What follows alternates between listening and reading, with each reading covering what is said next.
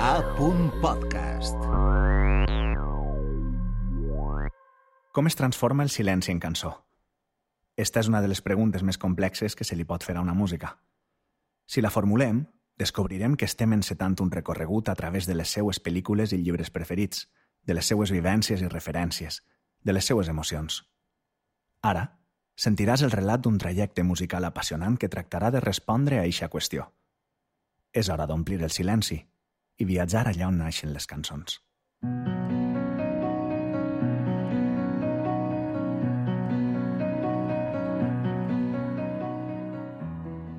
Soc Sandra Montfort i avui xerrarem de com comencen a gestar-se les meves cançons.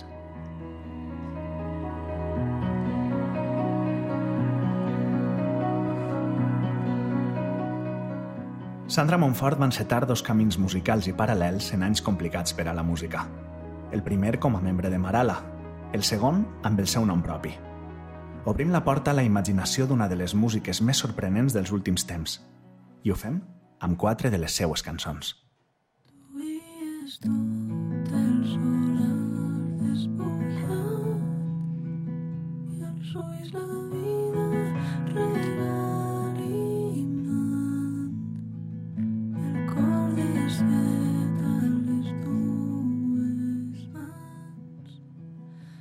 L'hivern, el poble i la quietud. Eixes tres coordenades encenen la inspiració de la nostra protagonista. Ella aporta, com a combustible, algunes dosis de desamor, de tristor, de pena. Confessa que els moments foscos la inspiren més i millor, però ha trobat una solució per a no romandre massa en l'abisme. Si s'ha d'escriure sobre el dolor, millor si és des de la rebel·lió que este provoca, de la lluita per l'alegria.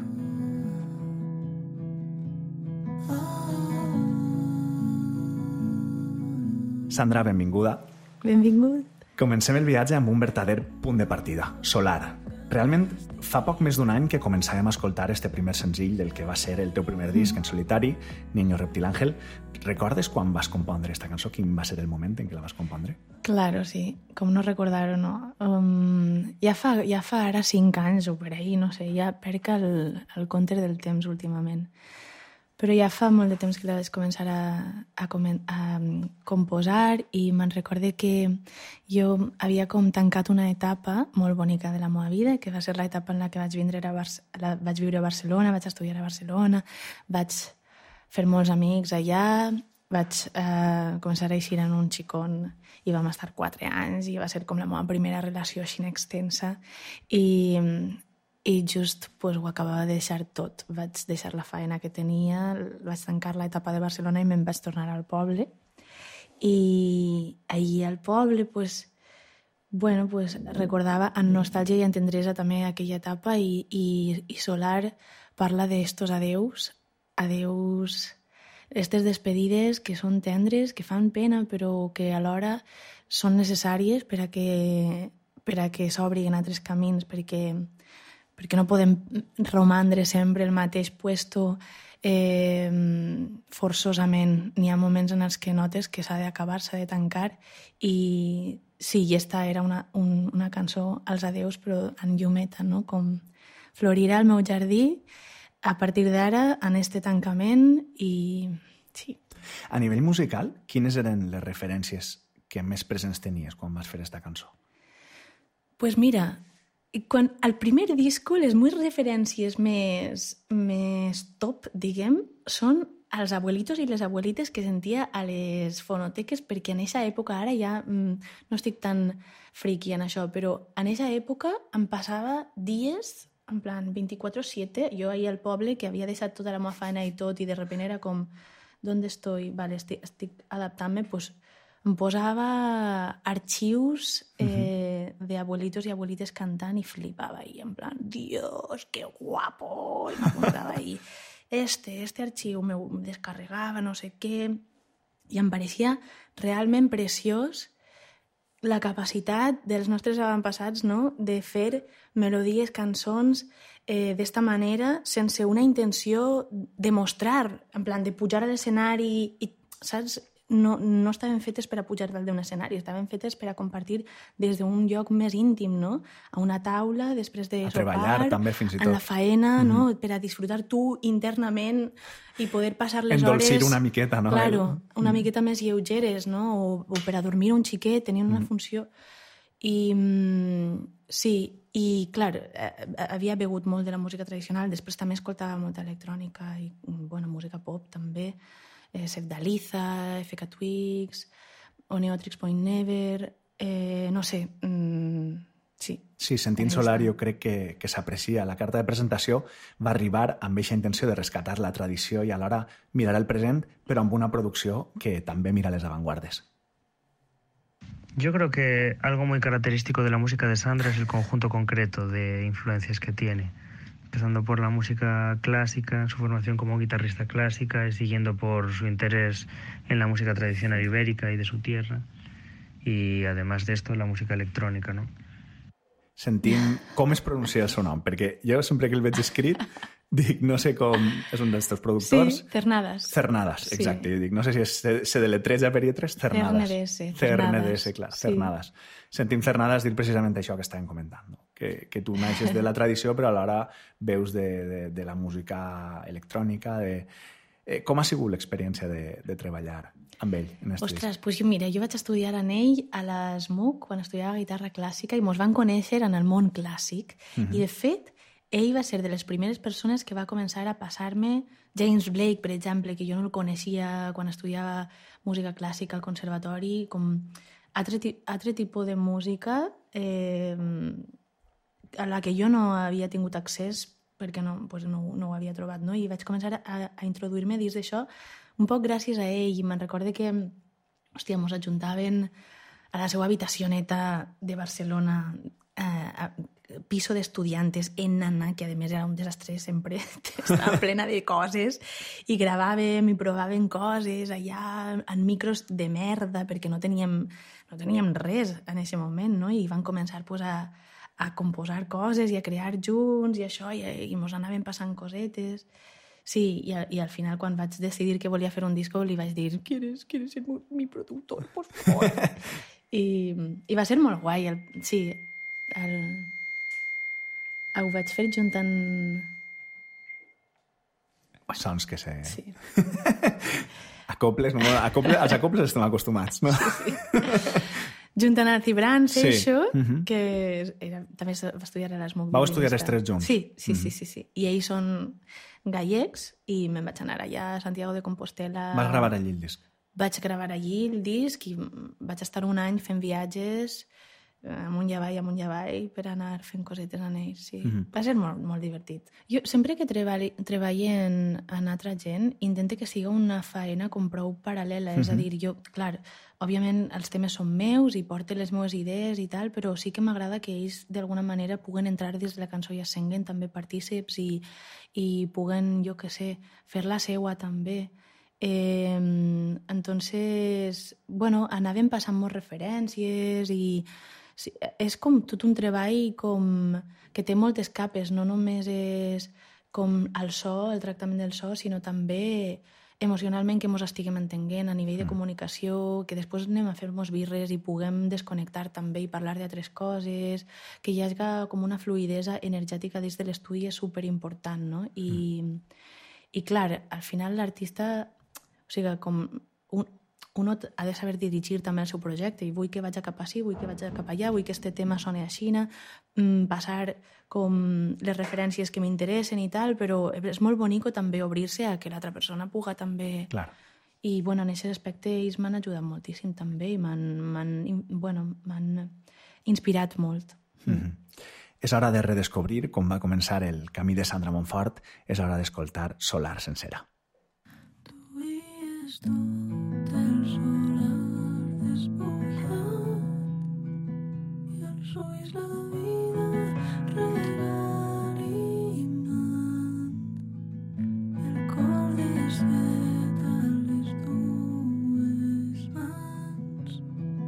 nostre record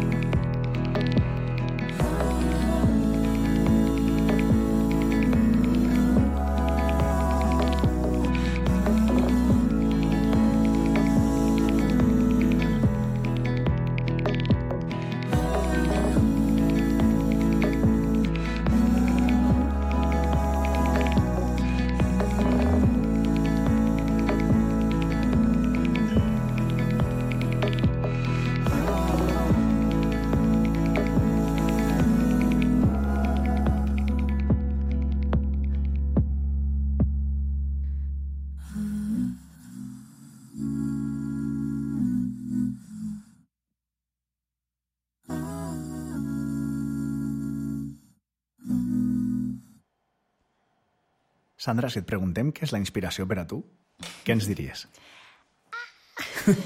Pregunta d'examen. Pues... Pues sí, no, no ho sé. Com, com una... O sigui, visualment, ho, ho, si li tinguera que posar una imatge eh, visual, diria que és com una espècie de llum que, que, que ix en algun moment i que no sempre ix. I tu no pots controlar-ho massa bé. Pots treballar per a entendre com pots soltar-la millor o no però, però sí eh, sí, és com, com una llum molt càlida pot ser i polsosa com en gra diria que és això. I n'hi ha algun moment en què sent que és més inspirada, normalment? Sí, quan estic a casa tranquil·la i no tinc molt d'agobió ni moltes coses, eh, quan he tingut converses amb les meves amigues que m'han oferit coses guais, quan porto una temporada que estic escoltant molta música i llegint molt, molts llibres i empapant-me de coses i hi ha, hi ha moments en els que em noto més sensible al meu entorn i normalment aquests moments són eh, quan estic tranquil·la i, i no vaig de cul pel, per la vida, que últimament costa trobar moments així, la veritat.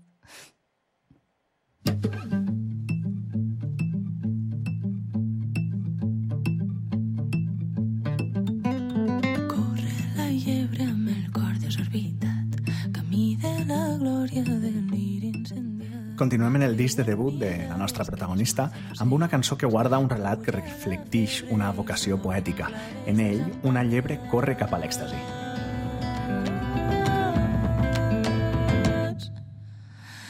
El rostre del teu cor i el meu cor en miralla. Sandra, la llebre corre, gemega i sospira. Hi ha un relat ple d'erotisme en esta metàfora. Sí, sí, sí. La llibre sóc jo i i jo estava en aquest moment pues, a, coneguent a una persona que em posava a tope calenta, ¿no? Y entonces pues es com intentar tra traduir ese, ese, esa sensació en, en poesia un poc, o en, sí, en música. Sí, no? eh, De fet, és, és... en una primera escolta pots, pot passar desapercebut, però a mesura que comences a, a desengranar la lletra perceps això, no? perceps l'erotisme que hi ha intern i, i com és eixa atracció que hi ha entre la llebre que eres tu i l'altra persona.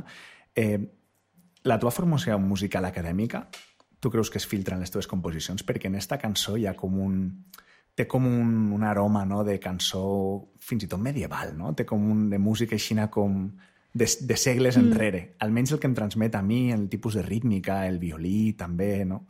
Sí, sí, suposo que sí. A, en aquest moment, pues, sí, la, la música clàssica suposa que he tocat este tipus de cançons també. I, i per ahí... Però també la música tradicional hi, ha molta, molt, molt d'este coloret també, sí. Mm -hmm. Tornem un poc a l'etapa en què vas escriure este, este disc de, de Niño Reptilàngel que has comentat, que, que havies tornat al poble, havies canviat de vida, tornat a la llar, deixat la feina. Eh, L'art requereix de temps lliure, d'espais de temps buits. Absolutament, absolutament. És molt necessari això, per a mi almenys, eh? perquè si és el que parlàvem antes, que, que costa, mm, costa que isca la inspiració si estàs agobiadíssima en la teua vida i, i moltes voltes és com que n'hi ha faenes que no... Bueno, com comptabilitzes el que et costa fer una, una cançó a nivell mm, monetari, no? Pues, eh, pues, Molt complicat. Claro, a voltes, jo que sé, a voltes per a poder estar inspirat i fer un disco has de reservar-te tipo, un any sencer per a anar-te'n a passejar per la muntanya. I així és la forma de desbloquejar tot això per a que puguen eixir, per a que s'obri el canal i puguen can eixir les cançons, no? Però, clar, això és molt hippie, entonces és impossible, mm, a no ser que tingues com un engranatge ahí, jo que sé. Jo no ho puc fer, entonces has de buscar com les teues la teua serpentina per a poder escapar-te una miqueta de, de, de la tro- de l'atropell i, i trobar aquestes capsuletes o aquestes burbujes de, de pau i, en els que Sí. es lubrique este canal i pugui eixir la, la, la cançó Claro. o la música. Sí, sí, és, el que, és precisament el, el que tu dius, no? Eh, de vegades, és, molt, és molt difícil eh, quantificar quin, quin valor econòmic té o quant de, quant, quantes hores has de dedicar per a... Perquè hi ha cançons que ixen molt ràpid i hi ha cançons que costen molt, però això després ningú ho sap, no? Ja. I, i, Sí, i una cosa és... Perquè una cosa és eh, composar la cançó i després tota el, Clar. la producció, Clar. no? I vull dir, n'hi ha, ha produccions i produccions, eh? N'hi ha produccions que, que quasi és més l'assaig local, no? Si tens la teua banda, assages i després vas i ho graves bé i, i ja està, i després ho vestixes com siga. Però, per exemple, en la música electrònica, la producció forma part de la composició Clar. també, no? I, I cada element que tu estigues treballant percutiu, per exemple, pot canviar després la, el mood del tema i, i et porta a altres llocs, no? Entonces, clar, som, sí, Tornant al, a la part musical de la cançó de la llebre, a mi és una cançó que, que em resulta molt interessant rítmicament. Eh, per una banda, per els elements de percussió, però també per la rítmica de la guitarra, no? Amb, com al principi comença amb les cordes mutejades i això ja està fent una percussió realment no? sobre, sobre la cançó. Eh, és un 6 per 8, si no m'equivoco, no? el, el, el compàs, però després hi ha un moment que al final, el clímax final, ahí canvia, canvia el patró rítmic, més o menys. Um, a la llebre... Ai, ara, ara Anem a, vols que ho sentim? recordo. Tinc el fragment vale. del final. El sentim?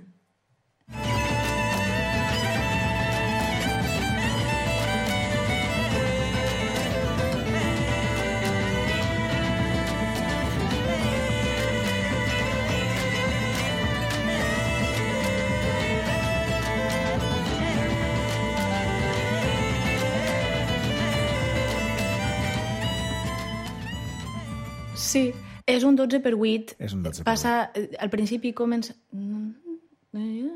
Sí, bueno, sí. Sí, passa com a, com a, quater, com a marcar-ho en un quaternari i ho sub, segueix subdividint-ho a tres per dins. Clar. Taca, Ja, taca, li dona com un, un ritme més frenètic per al final, no? Sí, les percussions les va gravar el José Luis Romero, que és un percussionista que toca ara també en el Bayuca, que és molt guai a, a Libòria, té un, té un grup que es diu a Libòria, que, que és com percu ibèrica, bueno, gallega, així molt trone. I, i va fer, va, mos va proposar ell este patró i mos funcionava És molt guai. molt guai. És molt guai perquè evoluciona. Si la cançó ja rítmicament és una cançó potent, mm. este final és com que és una, una, un clímax final, no? Sí. sí és, I després el violí. El Cibran, el Cibran Seixo... També és, és violinista, també. És, eh, bueno, va estudiar a- música clàssica també, a l'ESMUC amb mi. Eh, Però no va estudiar guitarra, no. No, violí, violí, Va. sí, sí.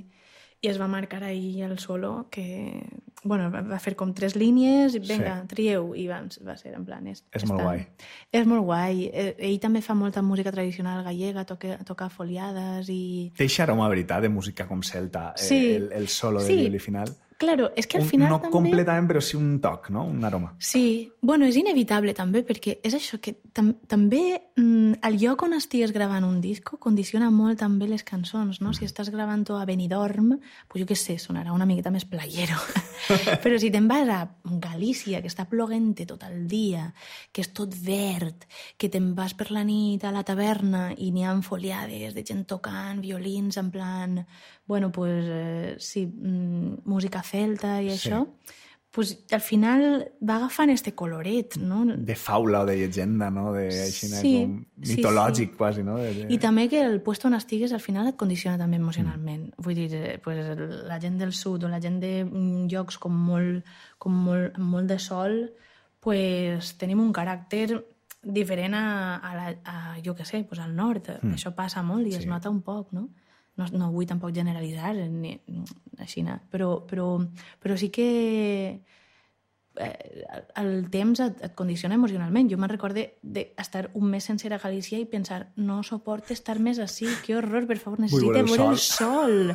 tots els dies ploguent, tots els dies nuvolat, que al principi era en plan, ah, que guai, que xulo, Que que, frescoreta." misteriós, que guai. Però al final és, uah, claro, i això al final fa que les cançons siguin pues, un drama. I, I ahí estan, sí.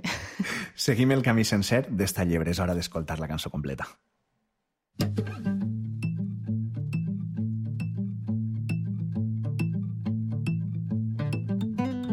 Corre la llebre amb el cor desorbitat, camí de la glòria del lir incendiat. Creuen mirades que desborden oceans, Puja la febre i s'obren clavells desemparats. El rostre del teu cor i el meu cor en emmirallats, la poma entre dents regalim el pecat, dolcíssim plaer de la car dins la carn, tendríssima pell que desperta la fam, cor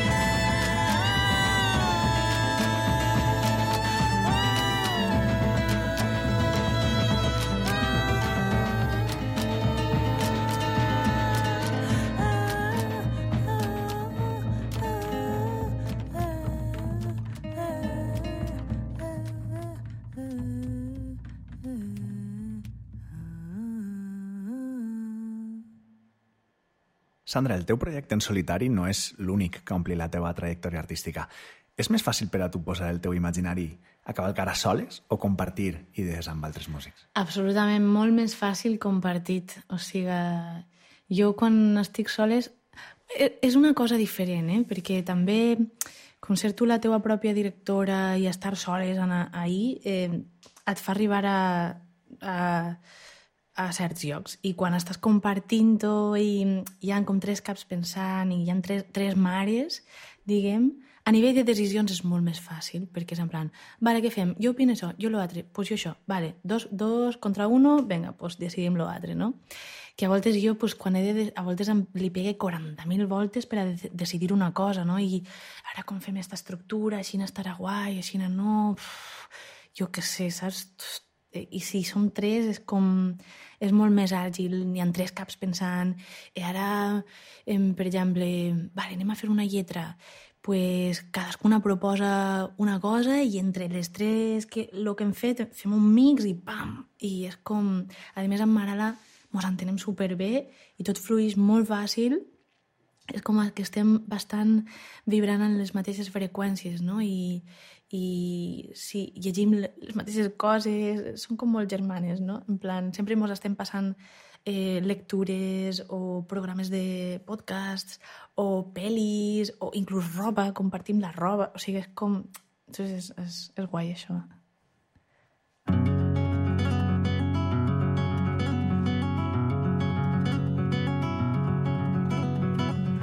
A la vora del riu Mare me deixen les espardenyes. Abans de conèixer Sandra Montfort amb el seu nom i cognom, vam saber d'ella com a integrant de Marala. L'any 2020 el trio es presentava amb un disc titulat A Trenc d'Alba i en la tardor 2022 ens han regalat un segon àlbum, Jota de Morir, que conté joies com a la vora del riu Mare.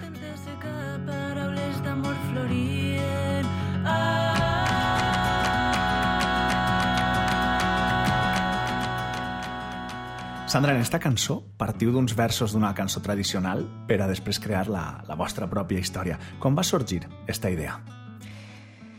Pues el disc parla de la mort en general, eh, és com un disc ambientat eh, i sí, i estàvem... Bueno, va, tot el, tots els temes els hem generat bastant paral·lelament en este disc i vam recrear com una història a través del cant de batre. A l'hora del rival me deixa les espardines que parla pues, de la guerra i l'amor, no? I com, com ballen l'amor i la guerra en temps... Ai, l'amor i la mort... En temps eh, de guerra. En general, en, esta cançó diu en aquells temps de secar, paraules d'amor florient, no? Eh, parla de temps de guerra, però en general el que volíem reflectir és com es resignifica eh, l'amor quan estàs prop de la mort, no? Quan, quan, quan notes la mort molt a propet, de repente és que és com aquest... Bueno, no ho sé, puc intuir perquè no m'he sentit tan en aquest punt com tan a prop de la mort, però, però puc intuir per, per, perquè al, al final, durant la nostra vida, sí que anem morint eh, en xicoteta manera, no, no morim com a degradació del cos en, en físic en si, però sí que pues, anem tancant etapes dols, de ruptures, tancant cosetes que van morint dins de nosaltres i, i quan estàs en aquest moment com de transició que tanques, que mor una cosa dins teu, estàs molt més sensible i estimes de manera més vertadera, no? És com que l'amor es fa més ample dins de tu, eres més capaç d'estimar i de, jo què sé... I més mm, intens, també, no? Sí, se te presenten les coses en, com, com, en un cor, com en contorns més, més clars, no? No estan més tan nítid, borrosos. Tot. Molt, això, nítid, com, com ho veus tot molt més nítid i molt més clar. I això és el que volíem reflectir a aquesta cançó. Abans parlaves de la sintonia que tens amb les altres membres de Marala, no? que sou com germanes, que, que compartiu referents, gustos... Eh, esta cançó l'heu escrit de manera horitzontal? Com, com ha sigut el procés? Com, com treballeu en Marala? Sí, eh, el primer disco sí que vam anar com cada una portava un tema i entre els tres, entre els tres buscaven com l'arranjament harmònic de les veus, però a este disco segon tot ha sigut Sí, a través de, pues, per exemple, eh, fem, claro, com cada una viu a un, una punta, la Selma viu a Barcelona, la Clara a Mallorca, i pues, mos hem trobat molt per Skype i, i també aprofitem normalment per, quan fem un bolo, per exemple, al País Valencià, pues, baixem a ma casa, mos quedem quatre dies i aprofitàvem per a fer residències de quatre o cinc dies per a crear. I, i fem coses curioses, tipus, vale, pues, Vale, necessitem una lletra, fem pluja d'idees a, a, a l'Skype. Vale, ara, tanquem, fem 10 minuts i de 10 minuts tornem a obrir a veure quines idees han tret cadascuna. I de sobte una treu, té una melodia, l'altra té una algo, l'altra té una lletra... Vale, vale, vale. Tornem a tancar, tornem a... No sé Apliqueu què, el teletreball com... en, tota, sí. en tota regla. Ahí estem, sí, sí. I quant als, als rols, eh, estan definits? És a dir, soleu encarregar-vos cadascuna d'una determinada part de la cançó o és tot molt molt canviant i dinàmic. És tot bastant canviant. No tenim ningú rol definit. A veure, sí, jo normalment soc la, la que toca la guitarra, eh, però, però la, les, elles també tenen idees harmòniques, tipo, va, pues així, en comptes de fer un fa, fes un sol, saps? Jo... Però elles també tenen molt clar les harmonies, perquè elles dos han estudiat cant i harmonies, em referís vocals, no? Mhm. Mm -hmm eh, construeixen superbé les veus. Eh, elles dues també tenen formació acadèmica sí, musical. Sí, sí, elles han estudiat també el superior de... Elles han estudiat cant, jo vaig estudiar guitarra. Entonces, clar, elles dos són superbèsties a l'hora de construir eh, eh, com les veus. Després la Clara escriu increïble, té un poema, ai, té, un, té dos llibres de poesia i també és com molt inspiradora. Sí, Sí, però anem, anem cadascuna aportant lo seu. Tornant al tema musical, de la, a la part musical de la cançó, en esta cançó la guitarra és, és prou protagonista, no? Hi ha com entre, entre estrofes, hi ha com un interludi de una part instrumental de guitarra on, on s'aprecia, jo crec que s'aprecia molt la teva formació clàssica com a guitarrista, el teu domini de l'instrument. Anem a sentir esta, esta part.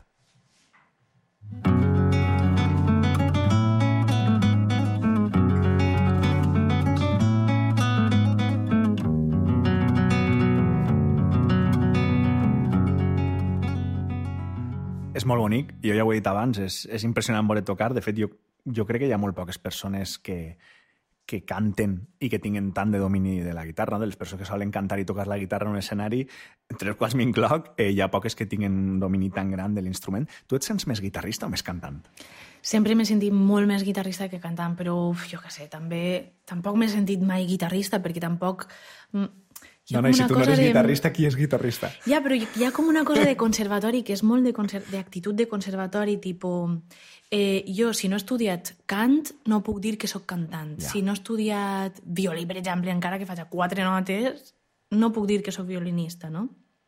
I això m'ha passat, i ara, com que no estic fent... Estic tocant la guitarra, sí, però no però no estic fent música clàssica, és com si tampoc sóc guitarrista, no? I hi ha com una, el, sim- el síndrome de la impostora, no? De no sóc res, però sí, si em demanen si, si sóc guitarrista o cantant, diria antes guitarrista que cantant. Tot i que ara, sí, ara em sent molt més segura en la veu. Al, al principi em costava molt. E- Elles, la Selma i la Clara, m'han donat molt d'espitjor i m'han ajudat moltíssim a conèixer la meva veu, tècniques, coses i de mirar-les també és com a que he anat, anat evolucionant i ara em sent molt més segura i tranquil·la. Mhm. Esta cançó és el primer avançament del disc, veritat? El primer avançament Sí. que, que vau llançar. Per què vau triar esta cançó? Perquè de totes les cançons del disc era, notàvem que era el pont entre el primer disc i el segon disc. En el primer disc hi havia molta cosa tradi i tal, i en este disc també n'hi ha cosa tradi, però n'hi ha com més electrònica, i este era com el pont entre una cosa i l'altra. Molt bé, doncs ha arribat l'hora d'escoltar completa a la vora del riu Mare, de Marala.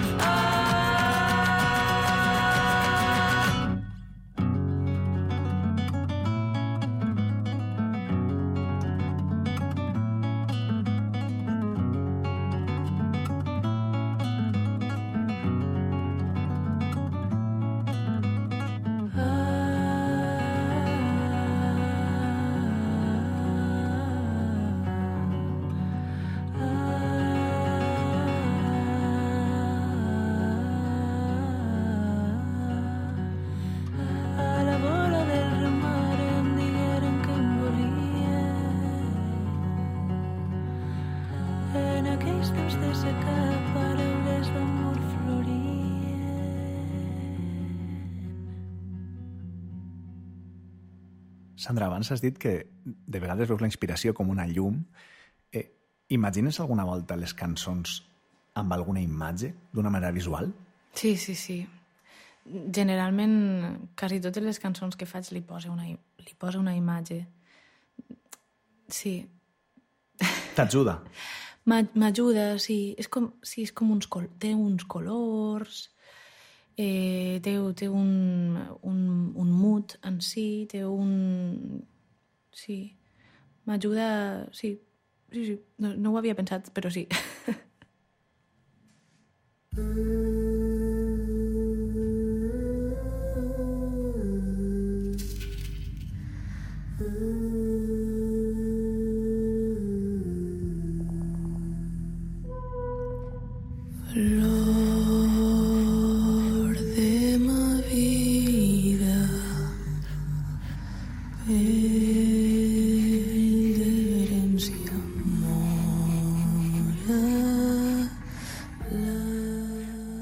l'estiu de 2022, Sandra llançava l'avançament d'un nou treball en solitari. Esta cançó que sona és Flor de ma vida i de nou mostra la seva vocació de- d'experimentar. Esta és l'última parada del seu viatge i també del nostre. Eres una rosa.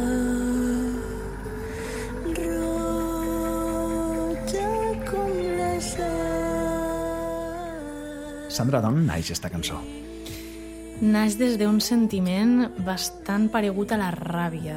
O sigui, vaig, vaig acabar esclafar després d'una relació que em va deixar feta una merda. Eh, I en general bé, hi, ha, hi ha hagut com un recorregut en, en mi de... Bueno, m'he anat, tro anat trobant durant el meu camí eh, en homes que m'han reventat a la vida. Entonces, crec que ha una... Bueno, ja ho sé, crec no, ha com tot el sistema patriarcal que, que mos, mos distància emocionalment als homes de les dones i és una pena perquè, joder, eh, jo vull portar-me bé en ells, però m'ho posen molt complicat. En general, hòstia, m'he trobat en cada peça que és en plan, hòstia, per favor, mira't una miqueta cap a tu, no sé, fes algo, perquè les dones estem...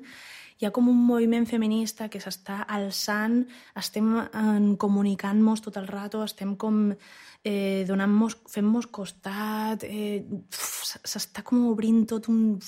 com un volcà de cosa i, i estem treballant-nos molt les dones, mogollon i crec que la aquesta feina no l'estan fent els homes i entonces hi ha com aquestes diferències que encara punxen, punxen molt, no? I entonces, pues, pues En, to en tots els casos t'has trobat en esta, en esta sensació de decepció en, en, en la Òbviament en hi ha l'actitud? en els que em porte bé i, i, que, i que són una dolçor de persones, però sí que en general m'he trobat en molts homes i sobretot al món de la música hi ha molt polla vieja, que li diguem, perdó, però com hi ha una energia molt masculina tot el rato i pues, des tot tipus de comentaris despectius cap a tu, que et tracten com si fores una xiqueta, sentiment o com de, de forma molt paternalista, com si no tingueres ni idea de la teua, de lo teu, del teu ofici, de la teua faena. Les relacions que he tingut jo, que han tingut les meves amigues, les experiències de les meves amigues en homes eh, cis hetero, no? És com, hòstia, hi ha hi ha algo que no està funcionant ahí, que no, que no està funcionant des de fa molt de temps, que no ha funcionat mai, però és que ta, a més tampoc s'estan posant les coses sobre la taula, saps? I, i vulguin mm, canviar-ho, no? I entonces, pues, mm, esta cançó naix des d'ahir, des d'este sentiment Eixa de- ràbia. de ràbia de, hòstia, prou ja, mos esteu destrossant la vida. O sigui, que tinga que jo forçar-me a que m'agraden les dones perquè no puc suportar eh, ser hetero, és com, per què? Eh, perquè, perquè, vaig, perquè vaig... Hòstia, m'he tot el rato, perdó, estic molt palabrotera ara, eh? però... Però parla des de la ràbia, però també hi ha com una sensació de, de, lluit, de voler eixir d'ahir, no? Sí, bueno, no és un lament, només. No és un lament, de fet, eh, clar, o sigui, primer, quan, quan t'esclafen i, a, i acabes de, derruïda després d'una relació que ha sigut tòxica, que tu has estat molt enamorada i que tu t'has imaginat ahir que anaves a tindre fills en aquesta persona i tot, i que anaves a construir tota una vida, que anàveu a envellir junts, perquè és que també això cuidadito en lo que claven dins del cap, saps? Que, hòstia, jo m'he tingut que treballar molt per a desfer-me de tot això, de tots aquests castillos en l'aire.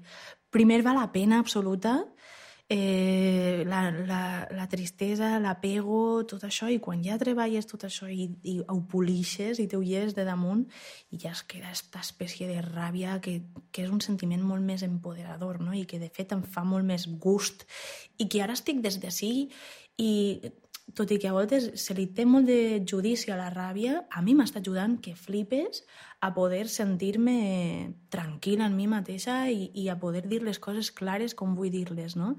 Entonces, ja, claro, en esta cançó hi ha ràbia, però també in, intentava que hi haguera una cosa dolça, perquè és que al final, ostres, eh, hi ha dolçor i tendresa també en les relacions i, i, i, i els homes o aquesta persona de la que estic de, la que estic descrivint en aquest tema, joder, eh, també té la seva part bella, saps? El que passa és que com, com no s'ha polit les impureses, pues fa mal als altres, escupix als altres i, i des, té verí cap als altres, no? Entonces, però té la seva cosa bella i ell també és, jo què sé, és un subjecte fruit del patriarcat i tal, però això no ho justifica, saps? Mm. Mm. Parlaves de, de la dolçor, de la, de la melodia que la té. Jo crec que és una dolçor que s'aprecia molt bé en esta gravació que tenim de quan començaves a, a traure la cançó. Flor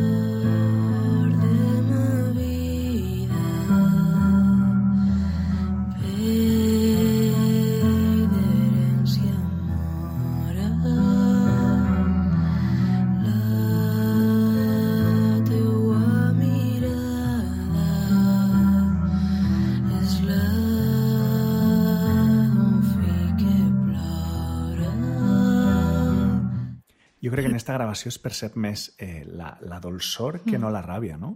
Sí, sí, bueno, sí. Eh, al principi, clar, la, la veu està, està cantada com amb molt, molta dolçor i... Però després, quan vaig voler produir-la, vaig buscar també Eixa- que tinguera la garra, la cruesa i la violència i la, com el punt més... Sí, com un punt més punx, perquè volia que també esta re- cançó reflectira la ràbia, perquè és un pont, mm, bueno, una, mm, com un sustento, de, sí, o sigui, està ahí, està ahí. Després sentirem esta part més enèrgica, més, més agressiva, per dir-ho Sí. d'una manera, però de moment anem a sentir com sona esta melodia en la gravació d'estudi. Flor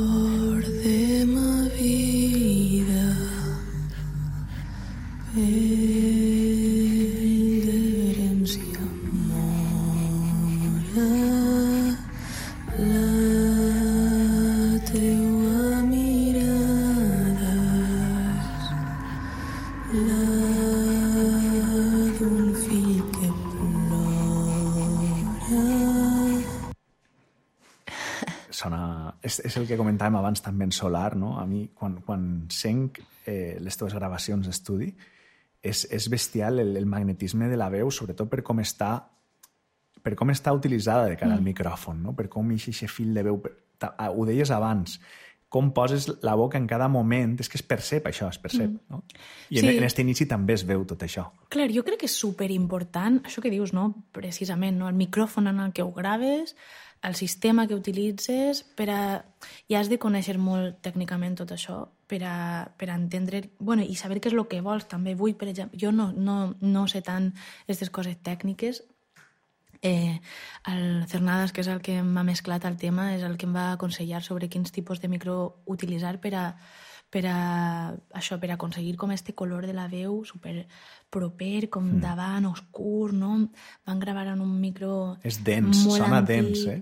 Sí, van, van, gravar, van fer com una combinació entre dos micros, mm -hmm. un Neumann 98 89, i, i un altre micro de cinta molt uh -huh. antic, eh, i entonces al micro de cinta li donava mm, com este, este color més oscur, com, uh -huh. com una miqueta De més bola, sí. envolvent, Mm. de bola, i l'altre li donava els aguts, la claretat, la nitidesa, no? Entonces la combinació dels dos micros, pues... I sí, crec que és molt important mm, saber què és el que vols i, i tindre algú o, o entendre com fer per arribar ahí. Clar. El concepte primer i després no les ferramentes per Sí. arribar a aquest concepte. Sí, sí. Jo crec que es veu molt nítidament el que parlaves abans a nivell de, del concepte de la cançó, del contingut de la cançó, no? Primer n'hi ha una fase de, de dolor i dolçor, no? Mhm. que és en, este, en, esta, en esta estrofa, i per altra banda, com hem dit, també trobem un so afilat i quasi tribal, no? rítmic, Mm. de parts instrumentals, com està.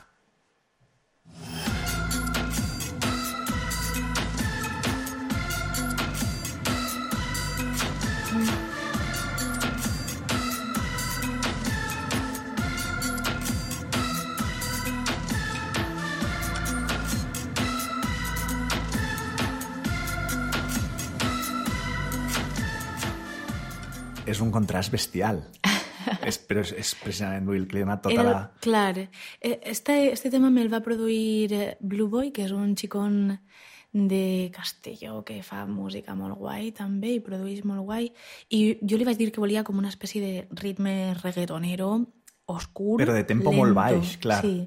Li vaig passar unes quantes referències, tipo, avui este, este com que sigui un reggaeton oscur, denso i lento.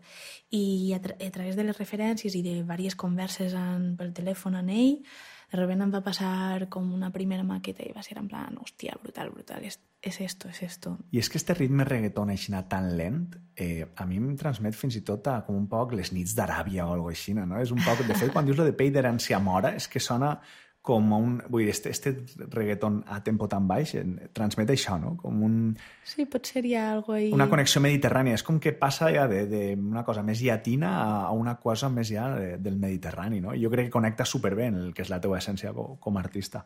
Que guai.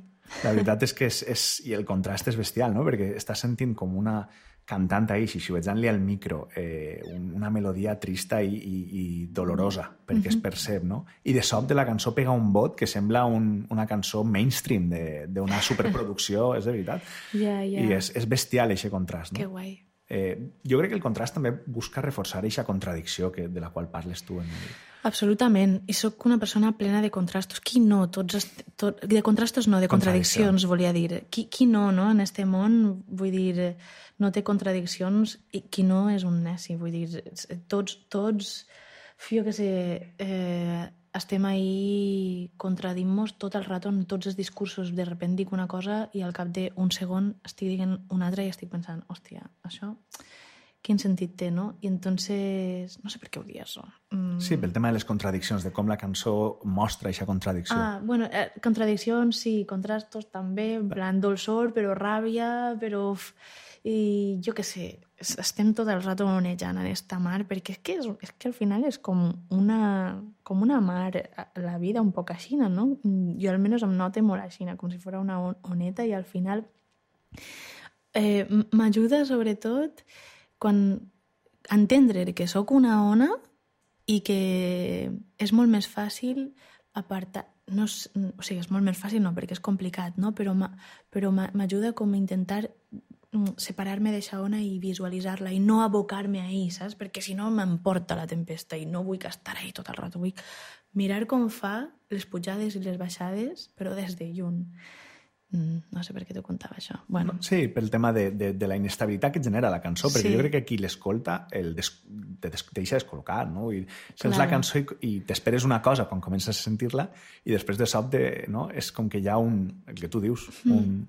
És molt, ara acabé de pensar-ho, no? com que la, que la música té un poc aquesta funció no? de mostrar-te la vida però escoltant-la des de fora no? I, i mm, moltes voltes ens sentim tan identificats i representats perquè és com veure la teua pròpia vida ahir en una cançó, no? Mm. Doncs ens acomiadem de Sandra escoltant precisament Flor de ma vida.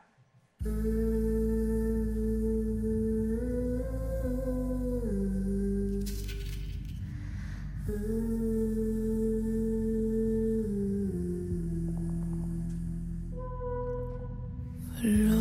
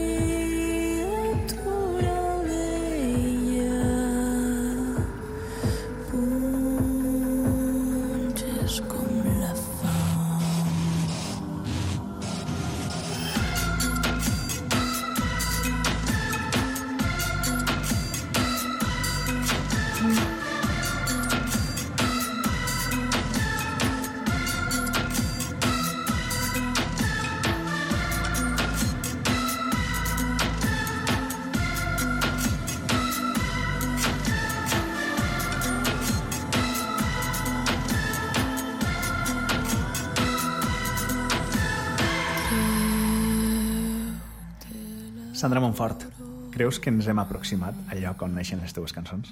La veritat és que sí, no? Bastant, sí.